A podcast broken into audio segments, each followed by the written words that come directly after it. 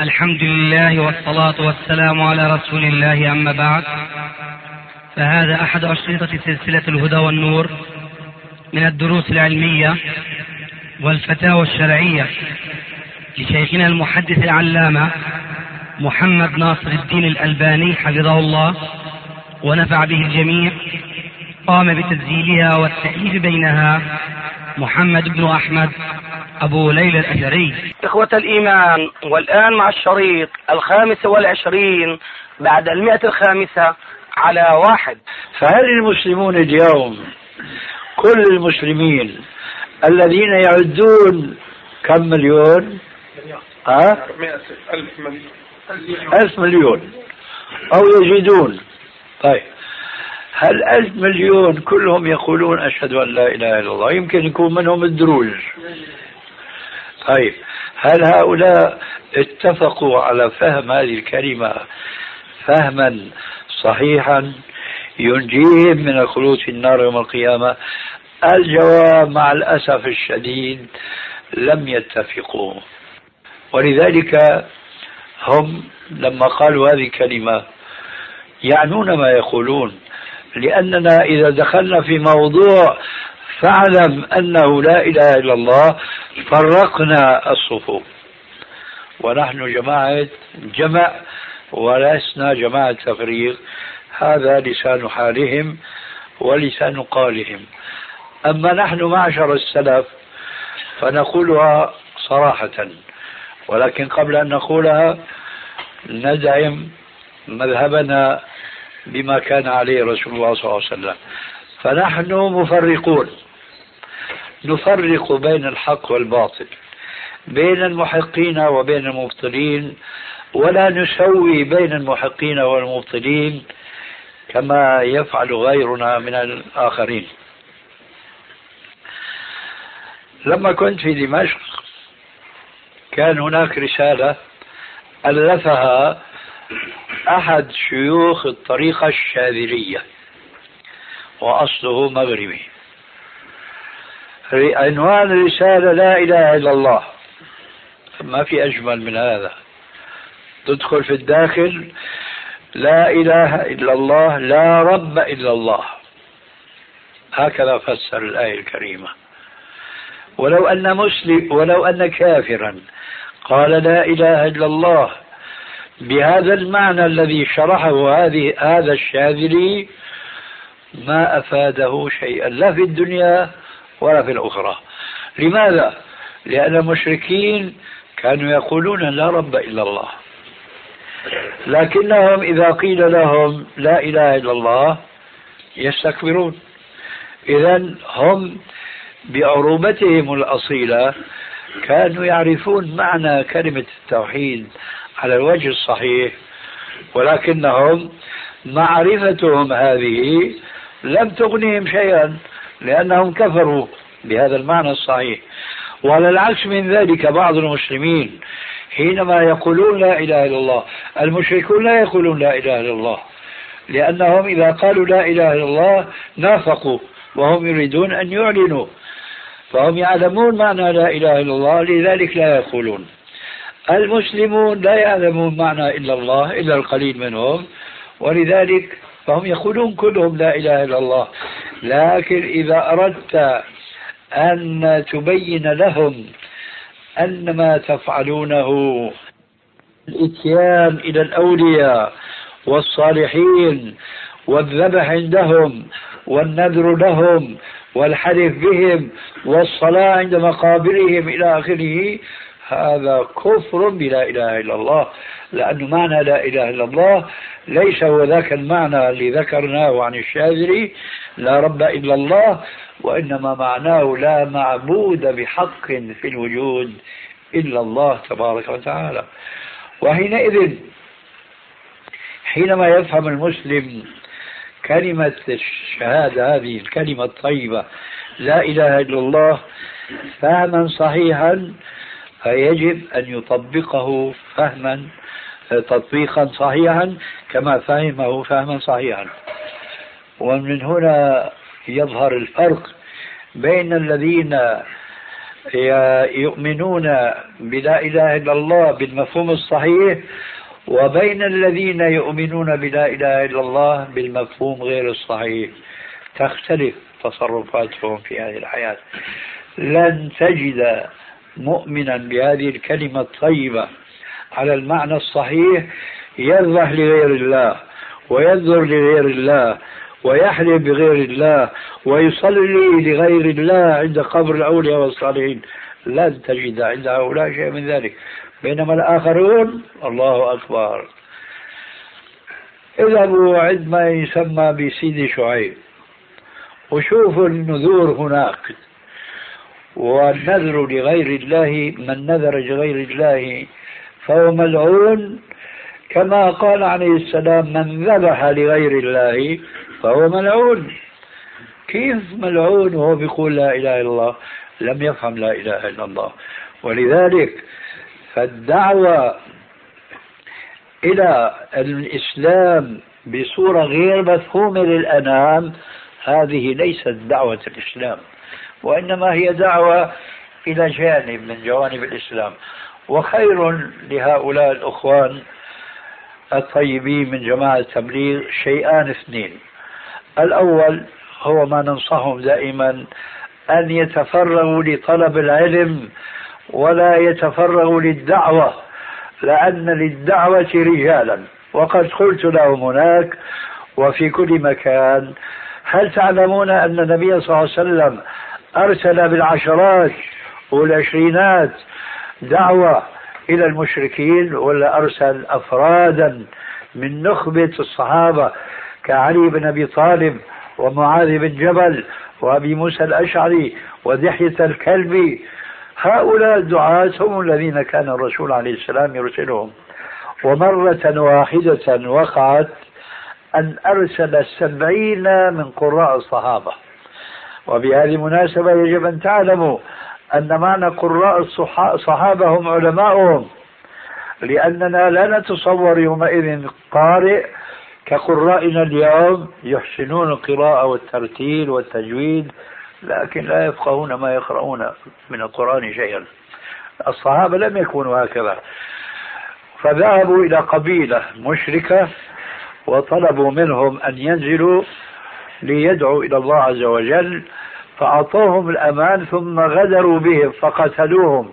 سبعين من قراء أصحاب الرسول عليه السلام.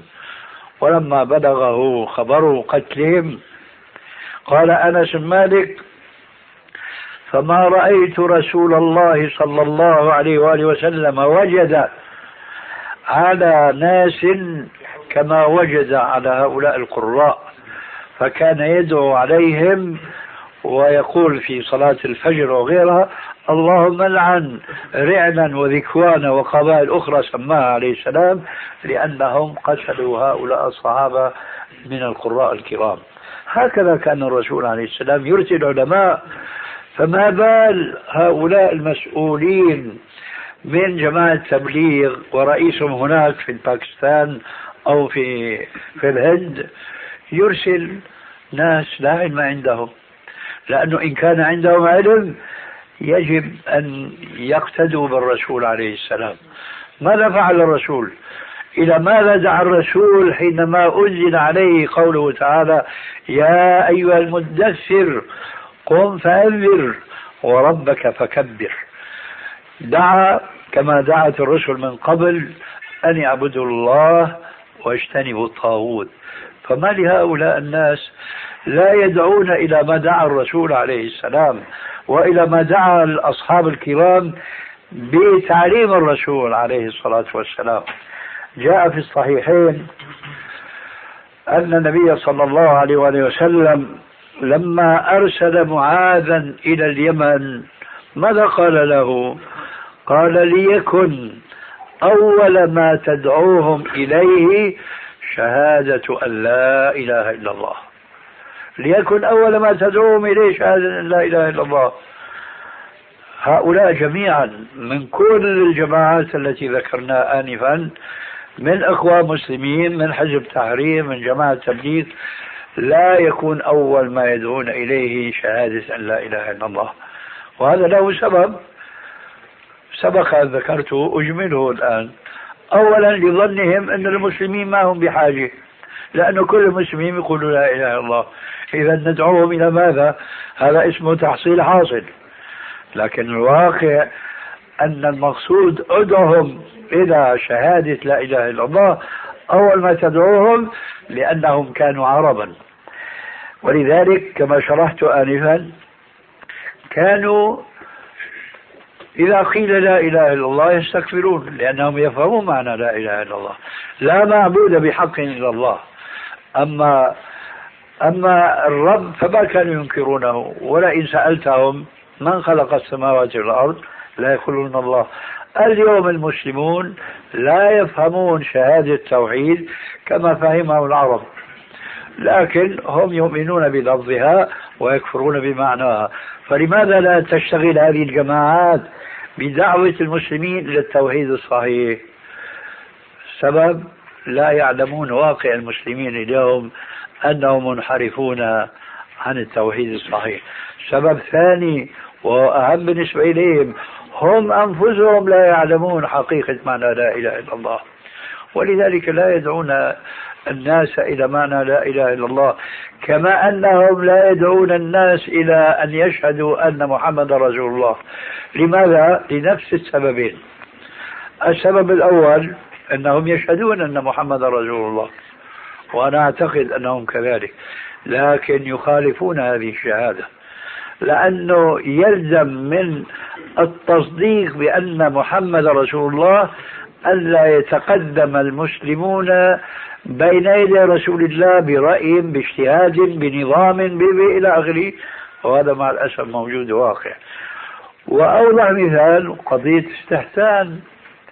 الاستحسان في بعض المذاهب قيل بأنه دليل شرعي وفي المجتمع الإسلامي هو قائم على آه، قدم لأنهم يقولون هي بدعة حسنة.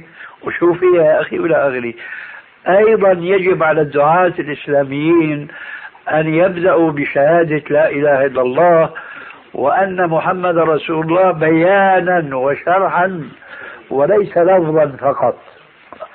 فإذا لا يجوز نحن أن نقول بأننا ندع الفقهيات وندع الخلافيات لأنه معنى ذلك أن ندع الدعوة إلى شهادة لا إله إلا الله محمد رسول الله والرابع ما هو؟ الجماعات الإسلامية أيضا لا ينقذون الجماعة الإسلامية إيش هذا؟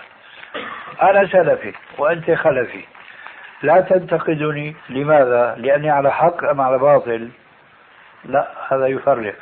إيش الفائدة إذا من دعوتك؟ إذا تركتني في ضلالي. وإيش الفائدة من دعوتي إذا تركتك في ضلالك وهكذا.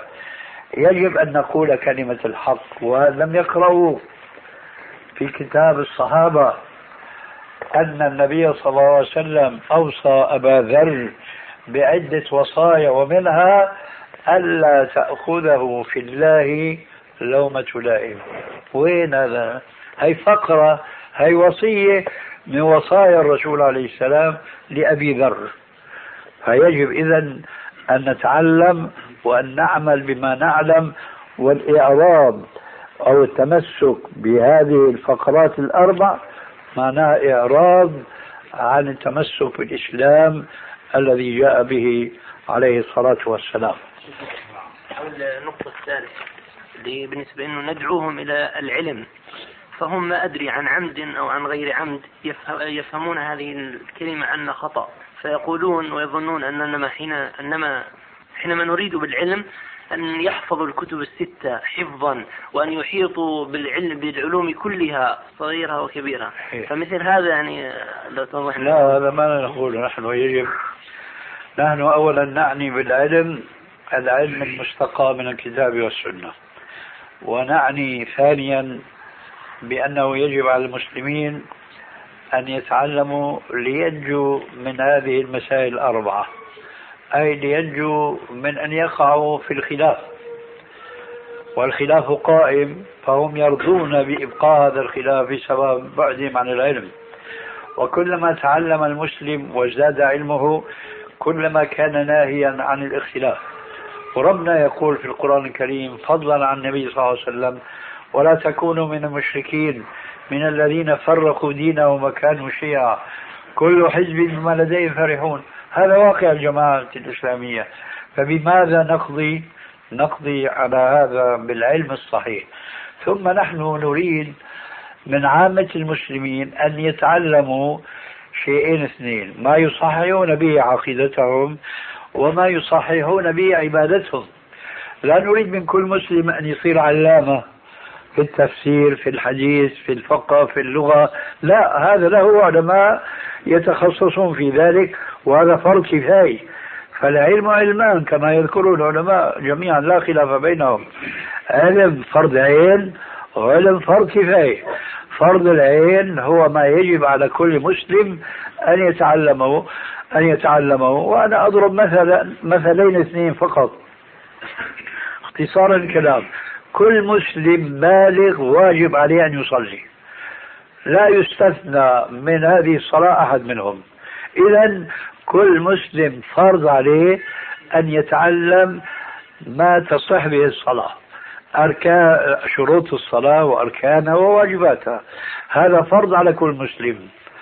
هل يقومون جماعة التبليغ في أنفسهم بهذا فضلا أن يبلغوا الآخرين؟ الجواب لا. فإذا هم تاركون فرض عين فهم مؤاخذون. المثل الثاني يقابل هذا. الحج إلى بيت الله الحرام. ليس يجب الحج إلى بيت الله الحرام. على كل مسلم بالغ مكلف.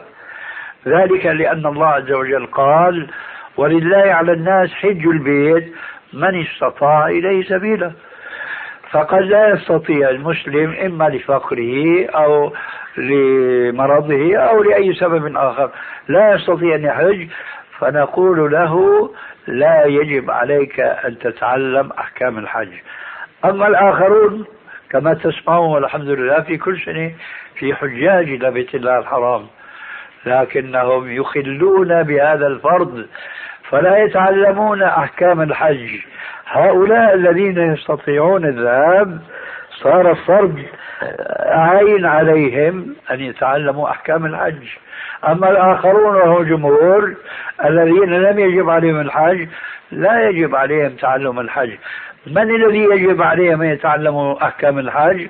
أولئك الفقهاء والعلماء الذين يتوجه الناس إليهم بالأسئلة فعليهم أن يكونوا على علم بما هم يتعرضون لسؤال عنه. فإذا نحن لا نريد من كل فرد من أي جماعة كانت أنه يصير علامة ومثل ما بيقول مثل السوري فلان عالم مثل الصحن الصيني نيما رنيته بجاوب. لا نحن نريد فقط كل فرد يقوم بالواجب الذي يجب عليه. الصلاة كما قلنا كل واحد يجب عليه. إذا بلغ سن التكليف الزكاة ليست كذلك. الحج ليست كذلك. فإذا بعض هذه الأحكام فرض عين من لم يفعل فهو آثم عند الله. ولذلك نحن نرى جماعة التبليغ والأخوة المسلمين وحزب التحرير كجماعة لا أقول كل فرد منهم لأني عارف أنه في الإخوان وفي في كل الجماعات هذه أفراد يمشون معنا على الخط السلفي لأنه لا أحد يستطيع أن يجادلنا في أن هذا الخط الذي نحن ماضون فيه هو الذي قال ربنا عنه وأن هذا صراطي مستقيما فاتبعوه ولا تتبعوا السبل فتفرق بكم عن سبيله لا أحد من هؤلاء يستطيع أن يجادلنا في هذا ولذلك فنحن نعلم بالتجربة أن في كل هذه الجماعات أفراد معنا على الخط علما وعملا. لكن كجماعة كلهم لا يقومون بالفرض العيني أقل شيء أن يعرفوا صلاة الرسول صلى الله عليه وسلم. كيف كان يصلي؟ ما يعرفون. فهم إذا لا يقومون بفرض العين. هذا الذي نريده منهم لكن بالإضافة إلى هذا كما قلت آنفا نريد منهم أن يكون فيهم علماء. علماء يعني أحاطوا بقدر ممكن من العلم بما يجب وجوبا عينيا وبما يجب وجوبا كفائيا. فإذا سأله السائل أنا ذاهب إلى بيت الله الحرام هل أحج مثلا مفردا؟ أم أحج قارنا؟ أم أحج متمتعا؟ يمكن يجاوب مثل ما أجاب ذاك التركي اللي علم أباه ونصبه مفتيا. يمكن بعض إخواننا ما سمعوا النكتة وبخاصة أنه طال الدرس وبيقولوا أنه العلم جاف فخلينا نبلها شوية يعني بهالنكتة هذه. زعموا أن مفتيا عرض له سفر فقال لأبيه اخلفني من بعدي. قال له يا أبي كيف أخلفك من بعدك؟ وأنا رجل لا أعلم. قال له معلش أنا بدلك على طريقة تمشي حالك لريث ما أنا أعود. قال هات نشوف قال أنت تجلس على كرسي ومكاني وكل ما جاءك سائل سألك أي سؤال قل له في المسألة قولان. في المسألة قولان. قال له لابنه جزاك الله خير. سافر المفتي وجلس ابن أبوه مكانه. صاروا الناس كالعادة المفتي هو اللي بيعطيهم جواب مشاكلهم ما في عنده جواب غير يا أخي في المسألة قولان كان السؤال مثلا أنا قلت لزوجتي روحي طالعة.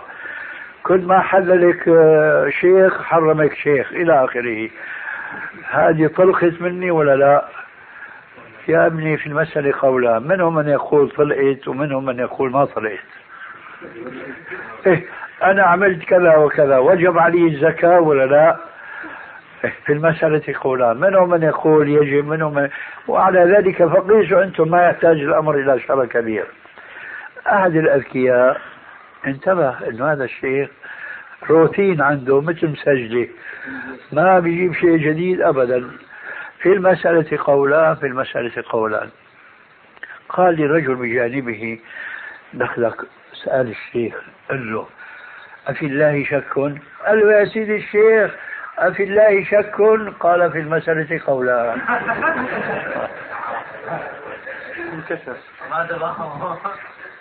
الآن قد يأتي حاج قاصد للحج يسأل أحد المشايخ ممن لا علم عندهم من هذا العلم القائم على الكتاب والسنة. شو بدي حج يا شيخ؟ مفرد ولا قارن ولا متمتع بيقول له في ثلاث أقوال. فأيها فعلت؟ ماشي الحال. وبزيدها من قلد عالما لقي الله سالما. وإن شاء الله ما يقول قال رسول الله. لأنه هذا لا أصل له. أما أنها كفقه هذا فقه. من لقي من قلد عالما لقي الله سالما.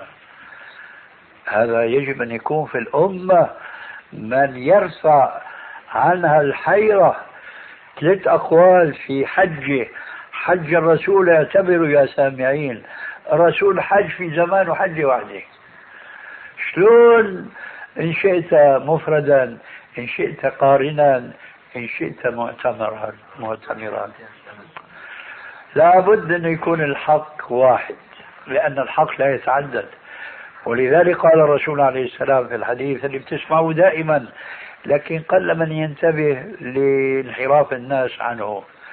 إذا حكم الحاكم فاجتهد فأصاب فله أجران وإن أخطأ فله أجر واحد. إذا المسألة يا خطأ يا صواب. فهول ثلاث أقوال في مسألة الحج. هل ما حج الرسول في حياته كلها المباركة؟ إلا حجة واحدة في آخر حياته. لأنهم لا يعلمون. أو يعلمون لكن يحيدون وكما يقال أحلاهم مروا إن النبي صلى الله عليه وسلم لما وقف على الصفا قال له رجل من الصحابة يا رسول الله عمرتنا هذه. لأن الرسول كان قارنا جامعا بين الحج والعمرة. ومع أنه قال لو استقبلت من أمري ما استدبرت لما سقت الهدي ولجعلتها عمرة فأحلوا أيها الناس. يعني اجعلوا حجكم تمتعا. قال ذلك السائل وهو في أسفل جبل الصفا يا رسول الله عمرتنا هذه ألعامنا هذا أم للأبد؟ قال بل لأبد الأبد.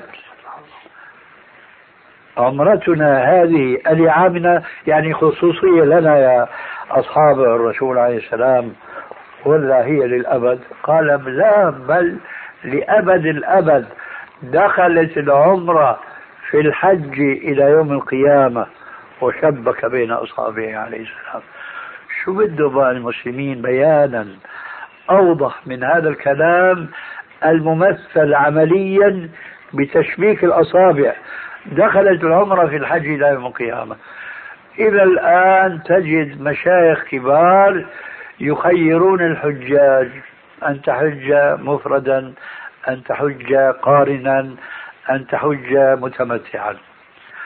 الرسول صلى الله عليه وسلم ألغى هذه الحجج كلها إلا حج القرآن بشرط أن يسوق الهدي من ذي الحليفة بالنسبة إلينا هنا. ما في الآن سوق الهدي. واحد يشتري الغنم من حليفة ويركبها معه في السيارة خاصة مأنقين ومهندسين ويمكن حالقين لحاهم مشان العيد إلى آخره. المقصود هذا غير واقع. إذا لم يبقى عندهم لأنه الذي يحج قارنا ويسوق الهدي بيكون جمع إيش؟ بين الحج والعمرة بيكون صدق عليه هذا الحديث لكن نسي قول الرسول لو استقبلت من أمري ما استدبرت لما سقت الهدي يعني من ذي الحليفه ولجعلتها عمرة فاحلوا أيها الناس اللي ما ساقوا الهدي مع انه الناويين إيش؟ القرآن أمرهم بأن يتحللوا حتى علي بن أبي طالب رضي الله تعالى عنه كان في اليمن مبعوثا من الرسول عليه السلام كما ذكرنا آنفا فبلغه أن النبي صلى الله عليه وسلم في هذه السنة حاج فيمم شطر المسجد الحرام لكن ما بيعرف شو ناوي الرسول فلبى بأنه حج كحجة الرسول عليه السلام. لما جاء إلى مكة وطاف ساعة طواف القدوم دخل على زوجته فاطمة فرأى حالة متهيئة لاستقبال زوجها والبخور يعمل عمله في خيمتها. قال لها ما هذا؟ منكرا عليها. فأخبرته بأن النبي صلى الله عليه وسلم هكذا يعني أمر. في حديث أنه أهل بيته عليه السلام جمعوا بين الحج والعمرة وتحللوا. فلما سمع ذلك منها ذهب إلى النبي صلى الله عليه وسلم. وهو لا يزال في إحرامه. أما زوجته تحللت. فذكر علي للرسول عليه السلام ماذا رأى من فاطمة. قال له عليه السلام بماذا أهللت يا علي؟ قال أهللت بإهلال النبي. قال فأنا أهللت بالحج قارنا. وكان علي ساق الهدي معه فقال له إذا أمسك على إحرامك. فظل قارنا بينما زوجته متحللة. فإذا قول الرسول عليه السلام دخلت العمرة في الحج إلى يوم القيامة لا يجوز للمسلم أن يحج حج مفردا. لماذا يلجأ كثير من الناس اليوم إلى حج الإفراد؟ هناك سببان اثنان. أحدهما وهو آفة العالم الإسلامي اليوم الجهل بالسنة. لا يعلمون مثل هذا الحديث وغيره. دخلت العمرة في الحج إلى يوم القيامة. السبب الثاني بعضهم يعلمون ولكن يحققون في أنفسهم قول رب العالمين وأحضرت الأنفس الشح. ما بده يذبح.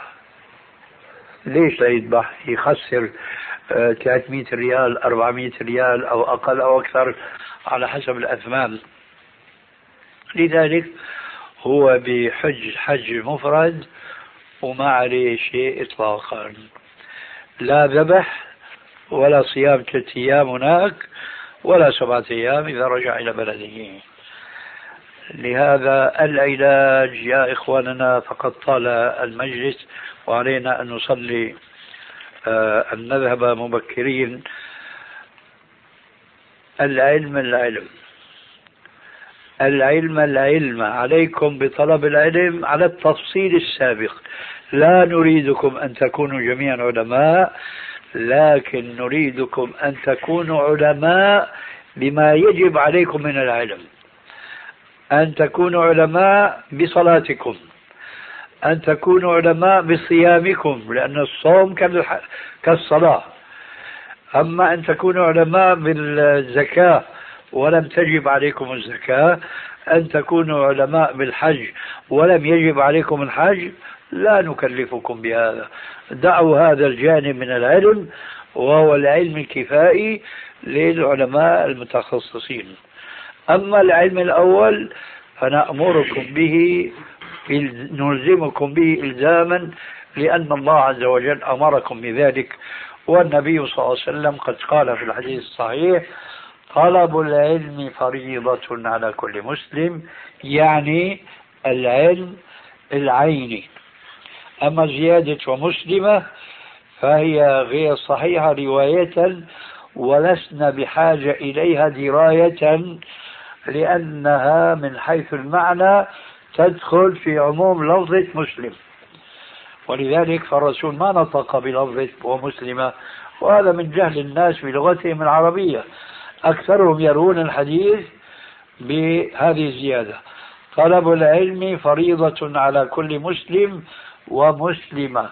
هذه زيادة باطلة. نسبتها إلى النبي صلى الله عليه وسلم ولا حاجة إليها لغة لأنها تدخل في عموم قوله عليه السلام مسلم. وكفى الله المؤمنين القتال ولعل في هذا القدر كفاية. توضيح هنا وهنا وهناك في الداخل أيضا. شوف هذا صاحبك شو بده كلمتين على كل سؤال. كم سؤال عندك؟ إحنا جمعنا على كل انما في سؤال في ثلاث أسئلة جاوبتهم بسؤال واحد. كويس. يقول السائل هناك أمور تخصصها جماعة التبليغ مثل الدعاء بعد الدرس بشكل جماعي والدعاء قبل الخروج إلى الجولة ووضع إنسان على الذكر أثناء خروج الجولة يسمونه الدينامو إذا غفل تفسد الجولة. هي ما فهمتها. أثناء خروج الجولة يبقون أحدا على الذكر في المسجد. يذكر الله. فإذا الجولة كان لها يعني غير مردود طيب فيقولون هذا قصر في الذكر. دينامو. وإن كان هذا الحمد لله بدأنا يعني نسمع تراجعا عنه ويقللونه. أي مع الأسف. نقول هذه الأمور كلها من الحوادث ومن البدع.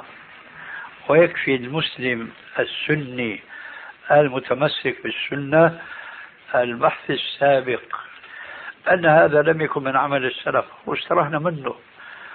وإلا كل ما واحد جاب لنا بدعة واستحسناها اتبعناه عليها. من هنا جاءت البدعة عندنا في الشام طريقة من طرق الصوفية اسمها النقشبندية. هذه الطريقة تختلف عن الطرق الأخرى بضلالة تفوقها تفوق الطرق الأخرى بهذه الضلالة على ضلالات كلها الأخرى وهي ما يسمونها بالمراقبة أنا أظن أن هؤلاء أقاموا مقام المراقبة هذه الضلالة ما هي المراقبة في الطريقة النقشبندية؟ يفرضون على التلميذ حينما أو المريد عفوا لأن هذا اصطلاحهم. إذا جاء المريد يريد أن يأخذ الطريق من الشيخ فيبايع على الطريق ويشترط عليه أنه إذا جلس يذكر الله فلا يجوز له أن يراقب الله وإنما يراقب الشيخ. لأن هذا المريد لا يستطيع أن يصل إلى الله إلا بطريق هذا الشيخ. أما اتباع سنة رسول الله فهذه لا توصله إلى الله. إنما الشيخ هو الذي يوصل. ويذكرون في هذا في رسائل مطبوعة. يذكرون أن أحد هؤلاء المشايخ كان يمشي مع مريد له بعد أن أخذ منه البيعة أن يطيعه قياسا على أخذ الخضر عليه السلام البيعة بموسى هل أتبعك على أن تعلمني مما علمت رشدا قال إنك لن تستطيع معي صبرا. مشي الشيخ والمريد معه حتى وصل إلى شط البحر ما شاف إلا الشيخ أخذ بإيد المريد بده يخوض في إيش؟ البحر. تعرفوا البحر يتدرج. آم هيك القصة بتقول وآمنوا أن هذه قصة صحيحة ومطبوعة. قال الشيطان إجا وسوس للمريد. قال له ولما حس بالغرق المريد إجا بده يستغيث بالله عز وجل اجا قال له الشيطان. كيف أنت تستغيث بالله وتترك الشيخ؟ قام الشيخ كاشف المريد زعمه.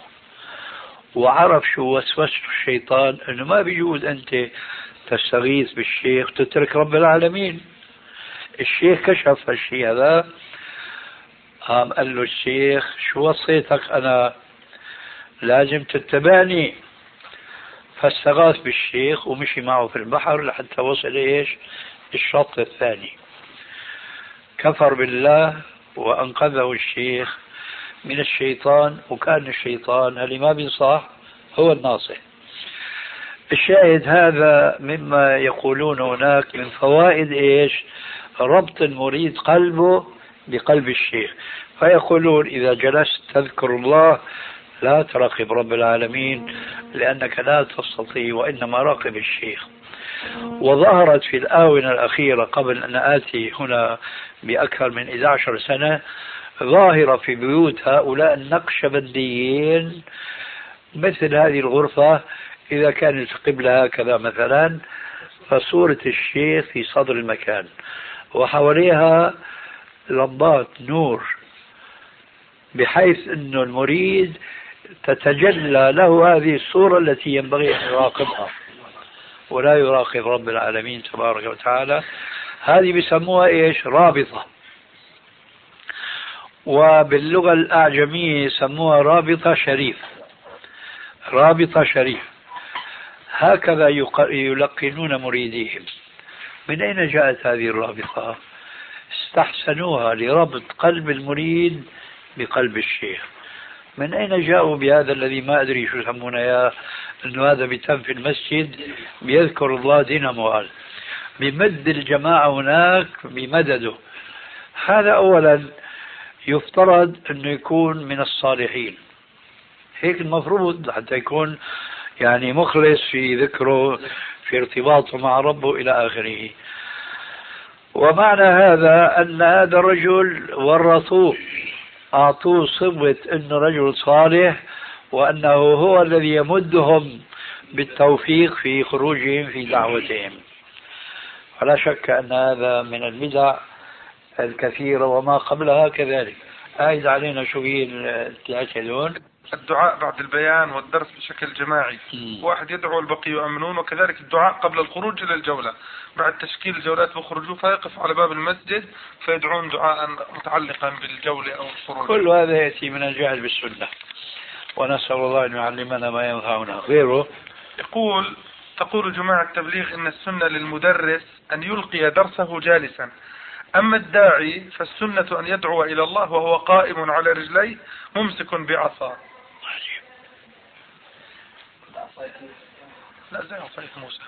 هذا ما بذكرنا وما في مجال للتوسع أنهم لا يفرقون بين السنة التعبدية والسنة العادية.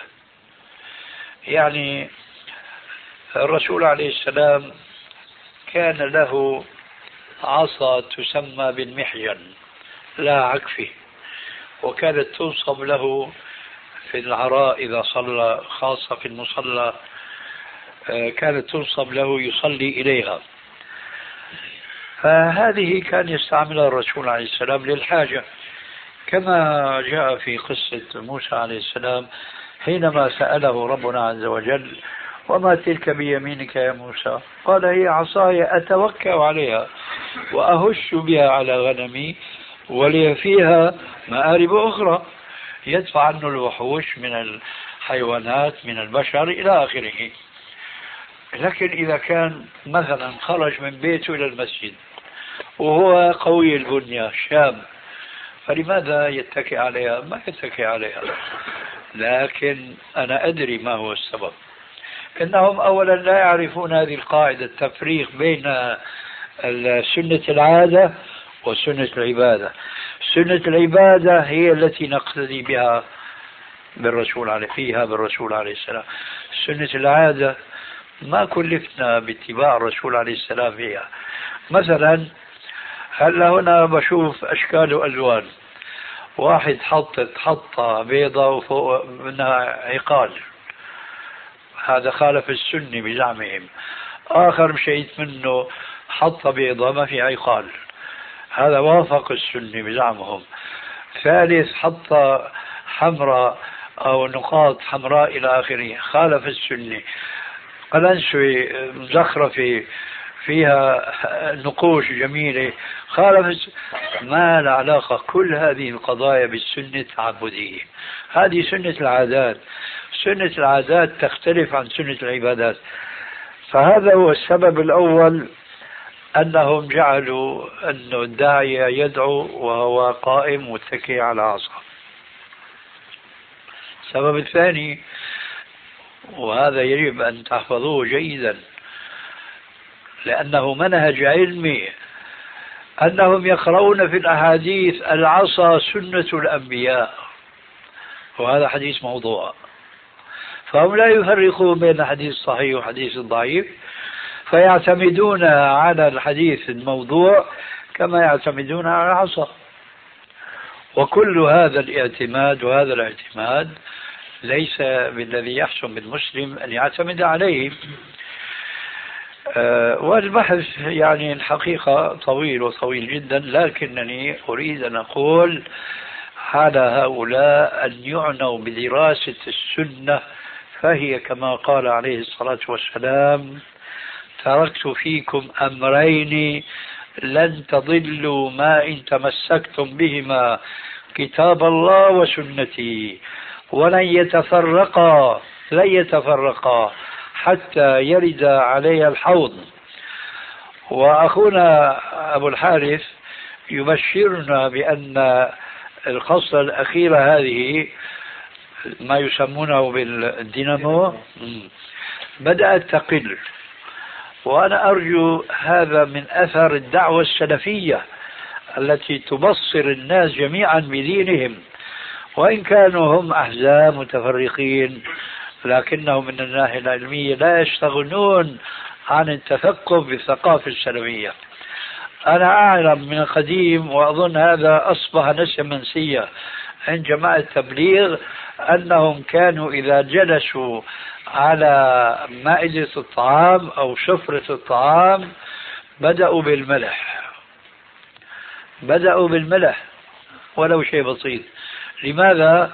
لأن هناك حديث من بدأ طعامه بالملح كفي شر سبعين داء. حديث كذاك الحديث. العصا سنة الأنبياء. حديث لا أصل له.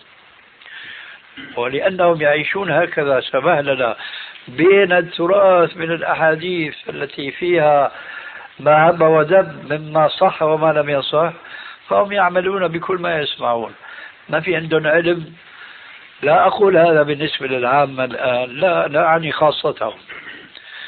لأننا قدمنا مثالا آنفا حينما تكلمنا عن كتاب الصحابة وأن فيه مهب ودب فهم يستقون من, من هذا المعين. وفيه الشيء العكر الذي لا يسمي ولا يغني من جوع. وبهذا القدر كفاية والحمد لله رب العالمين. كمان فيه؟ ما شاء الله. هات نشوف.